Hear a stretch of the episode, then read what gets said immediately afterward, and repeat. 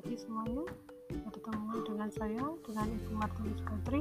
Di sini saya akan memperjelas materi yang harus kalian kuasai yaitu tentang mata pelajaran sosiologi. Oke, sebelumnya semoga kalian di rumah semuanya baik-baik saja dan semoga kalian tetap stay at home. Oke, selanjutnya saya ingin mempertegas bahwa ilmu psikologi kemarin kita sudah mempelajari bahwa ilmu yang mempelajari tentang hubungan-hubungan yang ada di dalam masyarakat ya secara harfiah ilmu sosiologi berasal dari kata sosius dan logos ya. Sosius itu artinya teman atau berarti kawan. Untuk logos artinya membicarakan atau ilmu kemudian untuk ilmu sosiologi sendiri itu bapak sosiologi yaitu Augusto Comte dia merupakan uh, pencetus pertama ilmu sosiologi itu dimunculkan dia melihat bahwa di lingkungan sekitarnya itu terjadi suatu permasalahan sosial yang tidak dapat dikaji oleh ilmu-ilmu yang lain. Permasalahannya apa aja? Ya karena adanya terjadi revolusi Prancis dan revolusi industri mengakibatkan adanya urbanisasi, kriminalitas dan sebagainya.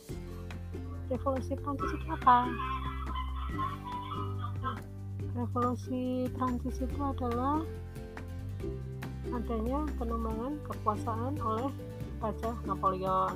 Revolusi industri itu adalah mengubah dari yang uh, dulunya pertanian menjadi masyarakat yang dia industri kemudian selanjutnya untuk ciri-ciri ilmu sosiologi yang pertama itu adalah bersifat empiris artinya bahwa ilmu sosiologi itu harus diamati oke mungkin kalian bisa mengamati bagaimana keadaan sekitar kalian. Oh sekarang dengan adanya pandemi covid-19 itu masyarakatnya harus menggunakan masker kalau ke mana-mana.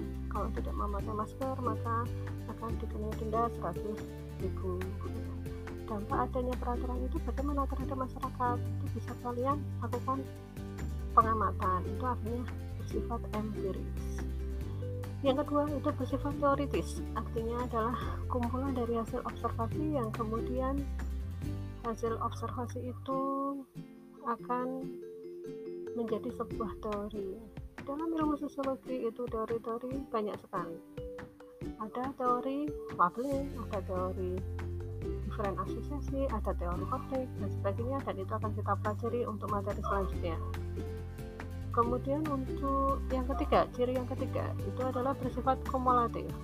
Artinya kumpulan dari hasil teori-teori itu kemudian akan diperbaiki, diperhalus ya, untuk disesuaikan dengan kondisi saat itu. Yang keempat itu adalah bersifat non etis, artinya tidak mempermasalahkan baik buruknya suatu fakta, tetapi menjelaskan fakta itu secara analisis. Contohnya itu adalah adanya transgender. Bagaimana transgender itu terjadi? Kita tidak mempermasalahkan baik buruknya suatu fakta itu, ya kita tidak mempermasalahkan apakah terjadi itu buruk apakah itu baik tetapi kita akan menjelaskan kenapa dia berbuat seperti itu adanya kenakalan remaja kita akan mempelajari kenapa kenakalan remaja itu terjadi bukan ya itu merupakan suatu uh, sesuatu perbuatan yang jelek ya.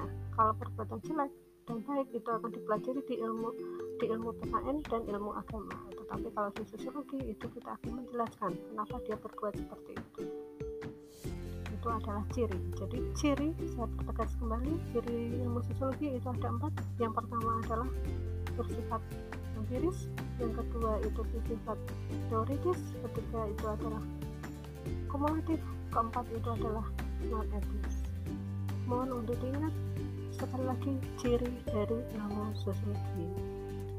Selanjutnya itu adalah hakikat ilmu sosiologi. Hakikat ilmu sosiologi yang pertama itu adalah bahwa ilmu sosiologi merupakan ilmu sosial bukan ilmu sains atau kita jadi termasuk ilmu sosial karena yang kita pelajari itu adalah masyarakat ya manusianya. Kemudian ilmu sosiologi bersifat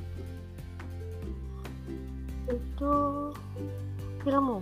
Artinya bahwa dalam mengambil suatu kesimpulan itu ada metode-metodenya tertentu. Tidak kita mengambil kesimpulan itu dengan cara yang ngawur.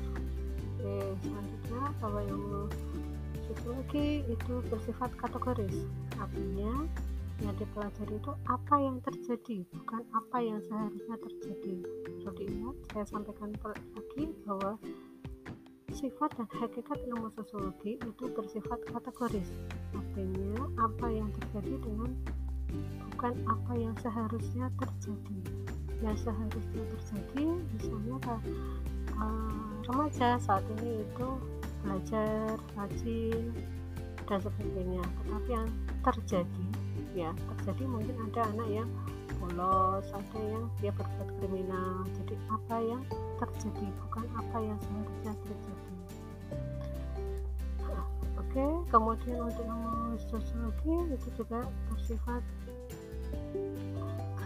uh, itu umum. Artinya dipelajari pelajari itu adalah bersifat umum tidak bersifat khusus jadi gejala-gejala umum yang terjadi di dalam masyarakat. Oke itu mungkin penegasan dari materi saya.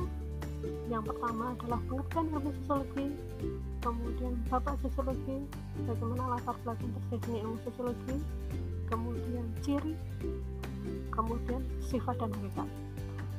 Semoga ini bermanfaat buat kalian. Kita akan belajar terus untuk materi selanjutnya. Kalau ada pertanyaan bisa kalian untuk menghubungi saya.